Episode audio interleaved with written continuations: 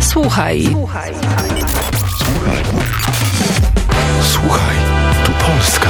Odkrywaj Polskę razem z nami. Historia trwa.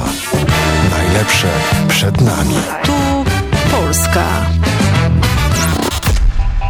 Urywa łeb mi od problemów, które sam tworzę Czego mi trzeba, nie wiem sam jak to możliwe Taki uśmiechnięty, miły chłopiec tak dobrze ma, na bank tak nienawidzę Gdy nie rozumiem co mam w sobie.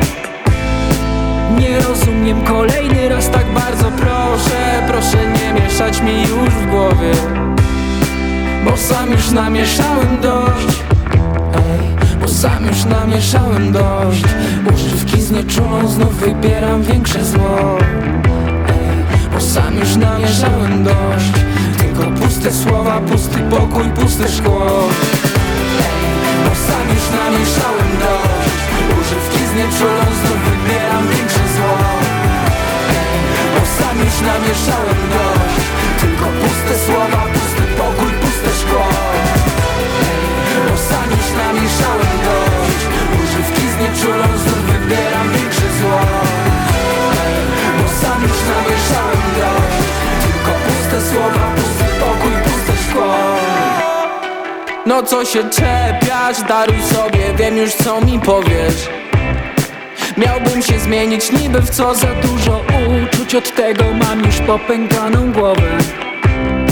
Jakie to nudne, kiedy tak znowu się boję Siebie ja już dłużej tak nie mogę.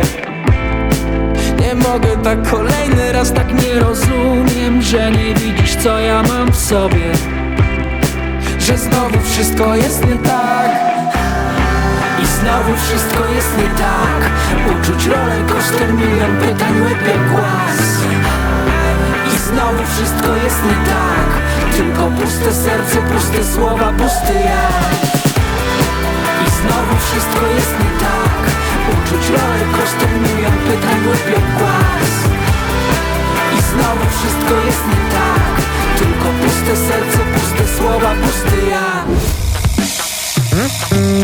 Сьогодні особливий вечір. Вперше за довгий період часу і католики, і православні нашого міста святкують Миколая в один день. Звісно, сьогодні ще й день збройних сил України. І нашим воїнам, перш за все, я хочу подякувати за силу, з якою вони захищають нашу країну від окупантів і агресорів. Дні і ночі, хвилини спокою, які ми маємо завдяки вам. Це найважливіше, що в нас сьогодні є. Сьогодні ж в нашій польсько-українській програмі Слухайте Польська трохи про особливості вечорів із подарунками. Мене звати Андрій Конько. Запрошую наступні півгодини провести разом на польських кліматах.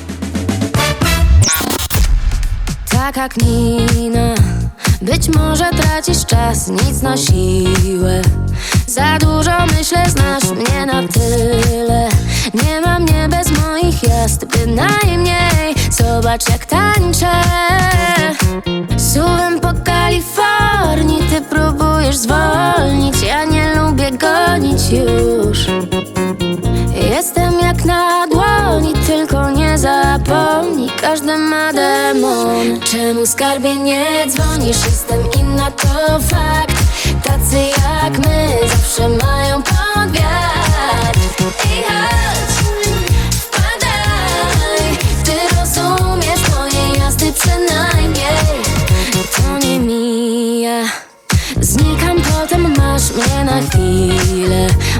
Mogłam zostać, ale nic nie mówiłeś.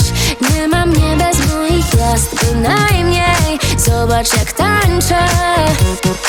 Suwem po Kalifornii Ty próbujesz zwolnić. Ja nie lubię gonić już. Jestem jak na dłoni, tylko nie zapomnij. Każdy ma demon. Czemu skarbie nie dzwonisz? Jestem inna, to fakt Tacy jak my zawsze mają podwiat Ej,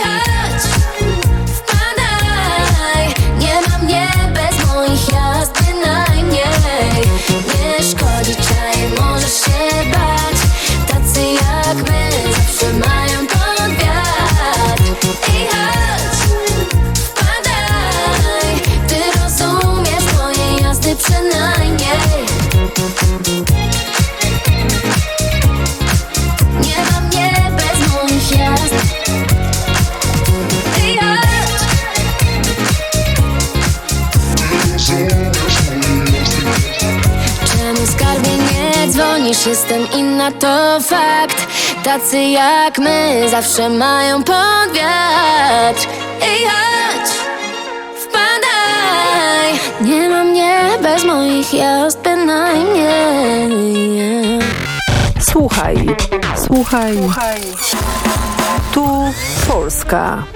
Традиція дарувати подарунки близьким людям виникла в 13 столітті і відноситься до подарунків, подарованих Ісусу трьома царями у Віфлеємі. Звісно, цей звичай змінювався із віками. Дійшов до нашого часу у тому вигляді, який ми знаємо. Зазвичай подарунки знаходять під ялинкою, та залежно від регіону Польщі, автором дитячої радості може бути не лише святий Миколай. Так на півдні Польщі можна зустріти традицію, що подарунки залишають чемним дітлахам янголи-охоронці. Елементи вшанування небесного заступника зустрічаються передусім в Малопольщі, Підкарпатті та Цішинській Сілезії. Нижня Сілезія і Ополе, трохи ближче до німецького і чеського кордону. Там можна зустріти версію, що до подарунків доклався гвяздор, тобто звіздар. Тому отримування подарунків тісно переплетене із темою Різдва і колядників. А в Тарногрудському воєводстві подарунки можуть підкинути і гноми. Хоча, звісно, не будемо руйнувати світлий образ святого Миколая. Його прототипом нагадає є автентична особа Миколай, єпископ Мири, який жив 1700 років тому. За переказами він приносив дари бідним, допомагав нужденним. Найпопулярніша історія свідчить, що Миколай допоміг фермеру, який через бідність був змушений продати своїх доньок в публічний дім. Єпископ Міри підкинув йому три мішечки з грошима, які потрапили в панчохи і черевики, які дівчата залишили вдома. Звідси походить традиція залишати Миколаю шкарпетки, а дітям вкладати в них подарунки. Образ святого Миколая сильно відрізняється від типового Санта Клауса. Огрядного бородання популяризувала ілюстрація американського карикатуриста Томаса Наста у 1880 році, на якій Санта Клаус роздає подарунки ветеранам громадянської війни в Сполучених Штатах. Наст малював його як старого з довгою бородою в гострому капелюсі з американським прапором. Ілюстрація з'явилася на обкладинці журналу Harper's Weekly. У 1902 році Лаймен Френк Баум опублікував життя і пригоди Санта Клауса, книгу, головний герой якої найбільше вплинув на сьогоднішній образ Санта Клауса. У 1930-х роках художники Фред Мізен і Гаддон Сандблум малювали рекламу Кока-Коли і використали образ власне Санта Клауса у вигляді старшого симпатичного чоловіка із довгою білою бородою, одягненого в червоний костюм, підперезаного широким білим поясом. Прикметно, що існує ще одна особливість, е, як особливість розбіжність, бо святий Миколай це переважно християнський символ, нерозривно пов'язаний із Різдвом. Образ Санта Клауса має позарелігійний контекст. Загалом вже всі звикли, що це добрий бородань, що відповідає за зимове свято подарунків. Росіяни придумали дідушку Мороза. Це взагалі якийсь покруч. Хоча в давнину в Мороза і Клауса можна знайти спільне коріння. Англійська назва Джек Фрост. Це ще одне ім'я, яке люди в різних куточках планети присвоювали зимовій стихії. В давнину не йшлося ні про які подарунки. Дух зими був жорстоким і забирав дітей в мішок, який носив на спині. І це батьки мали йому щось подарувати, аби повернути своїх дітей назад. В Гданському технологічному університеті вирішили замінити ялинки еко-новорічними інсталяціями, і більше про це уже за кілька хвилин.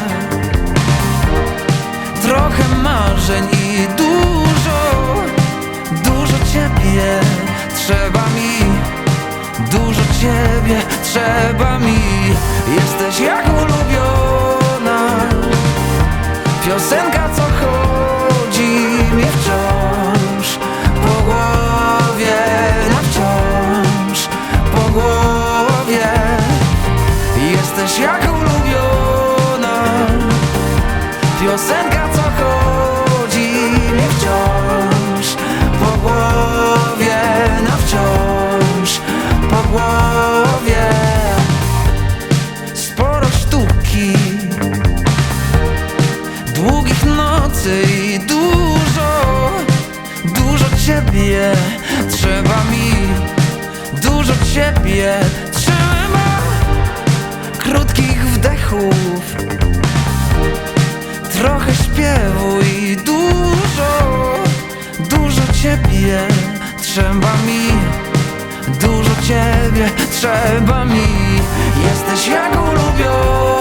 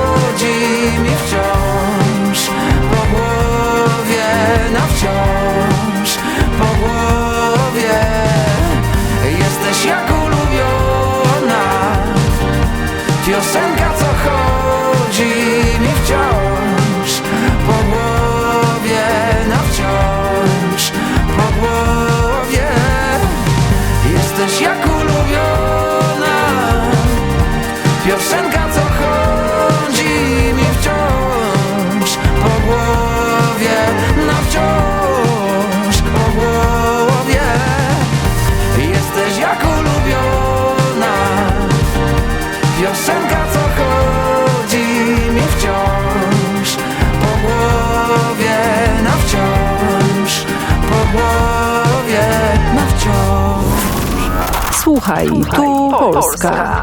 В Гданському технологічному університеті вирішили замінити ялинки еконоворічними інсталяціями. Понад 200 людей приєдналися до ініціативи поєднати різдвяний настрій і екотренди і дати нове життя практично відходам. Загалом має повстати майже 30 конструкцій. Вони будуть створені в дусі апсайклінгу та безвідходності. Як наголошує керівництво Гданського університету, мета показати, що ялинкові прикраси можна створювати власноруч і до того ж використовувати старі невикористані матеріали. Ідеї дуже різні від хімічних пробірок до будівельного сміття і фольги. Ми хотіли зробити акцент на екологічних незвичних рішеннях. Зізнається в інтерв'ю RMF FM професор Кшиштоф Вільде, ректор Гданського технологічного університету. Конструкції створювали 27 команд, що складалися із студентів і співробітників Гданського технологічного університету. Матеріали включали серед іншого дерев'яні топографічні елементи або старий спортивний інвентар. Кафедра геодезії, наприклад, надала обладнання, і завдяки цьому можна зробити каркас ялинок. Використовуються також геодезійні кілки та інший маловживаний непотріб, який на новорічній інсталяції набуває нової форми і нового змісту. Мета проекту нагадаю показати, що ялинкові прикраси можна створювати власноруч і до того ж використовувати старі невикористані матеріали. Згодом університет проведе відкрите голосування, аби визначити, яка із цих ялинок найбільше сподобалася громаді Гданська.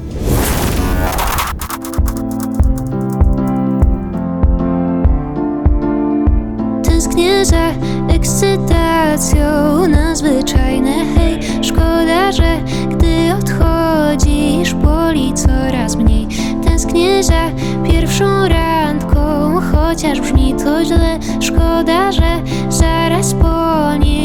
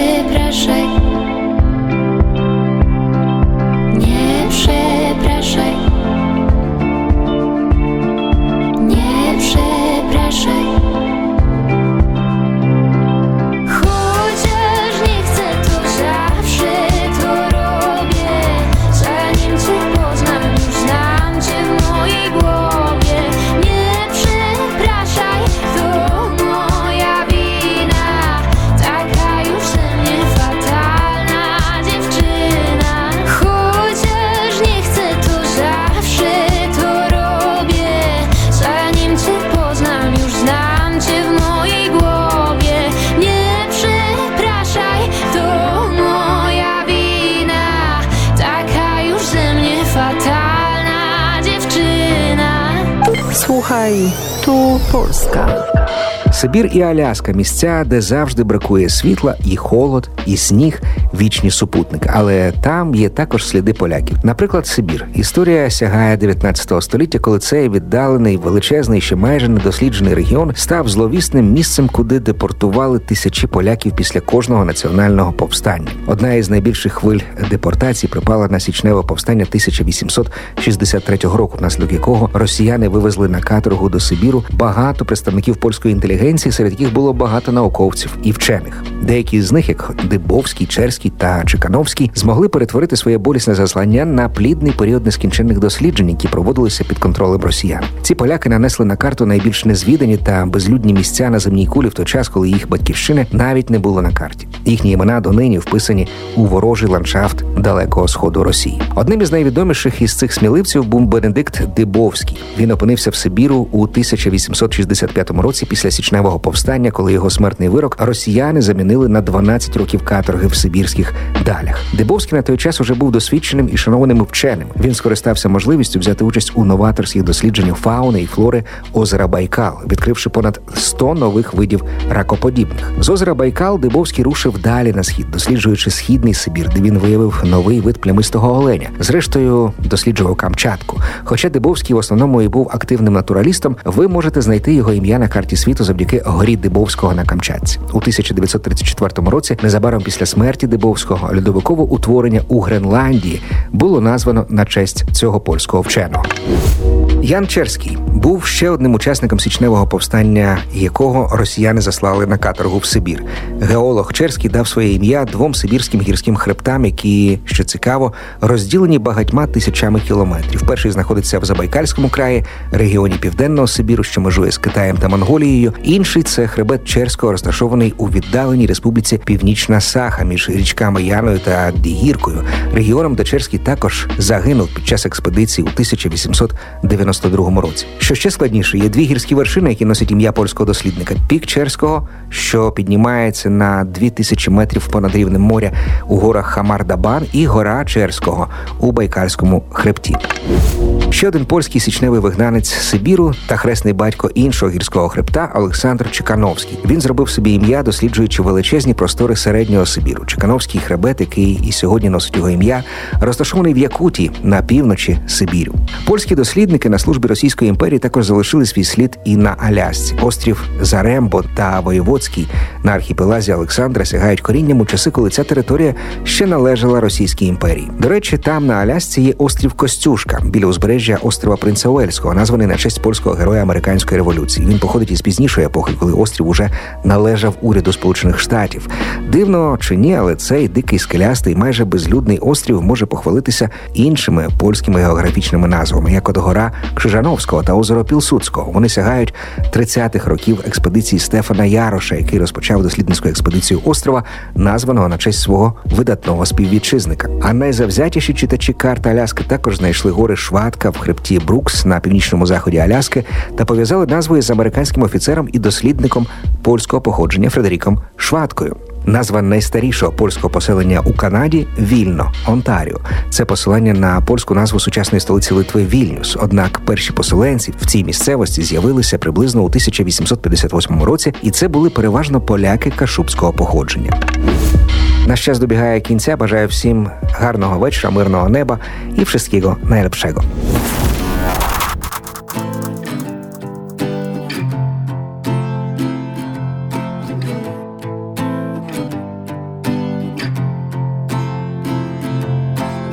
Jak byłem mały, zabierałeś mnie na sanki. Teraz to koledzy z branży zapraszają mnie na sanki.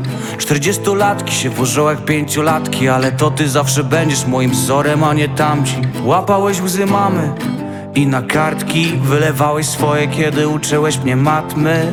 Zawsze kiedy wracałem z party Udawałeś, że nie czujesz, pewnie też paliłeś planty Staliśmy na balkonie, przy drodze wskazywałem palcem samochody, na które nie było cię stać. Chciałem uciec jednym z nich, no a teraz taki mam, żeby wracać jak najszybciej do LBN z WWA Idzie burza, wyłącz komputer, nie trzaskaj drzwiami. Świecisz mi czy sobie? Zapytaj mamy. Nie mogłem wytrzymać z tymi samymi tekstami. Często się nie zgadzamy, bo jesteśmy tacy sami. Ale jesteśmy ekipą na całe życie.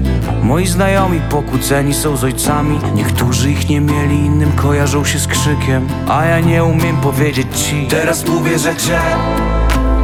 Chciałbym powiedzieć, że cię. Czemu tak trudno mi powiedzieć to drugiemu facetowi? Teraz mówię, że cię. Chciałbym powiedzieć, że cię. Chciałbym mówić, że cię. Czemu tak trudno mi powiedzieć to drugiemu facetowi? Teraz mówię, że cię